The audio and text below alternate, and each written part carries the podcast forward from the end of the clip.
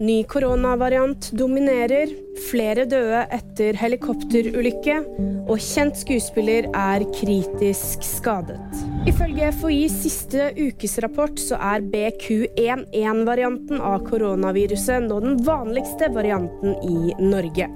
Den utgjorde ca. hver femte påviste virusvariant i desember.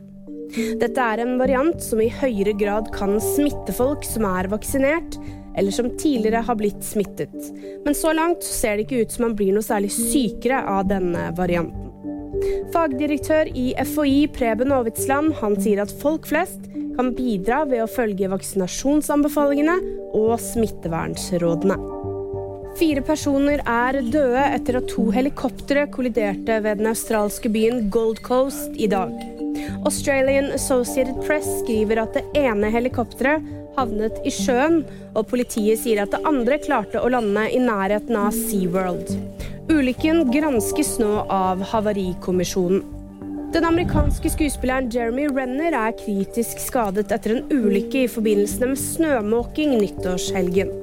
Ifølge Deadline så er tilstanden hans stabil, og han ble fraktet til sykehus med helikopter fra sitt hjem i Tahoe. Renner er kanskje mest kjent for å spille Hawkeye i Marvel-filmene. Og VG-nyhetene de fikk du av meg, Ida Aaberg Evensen.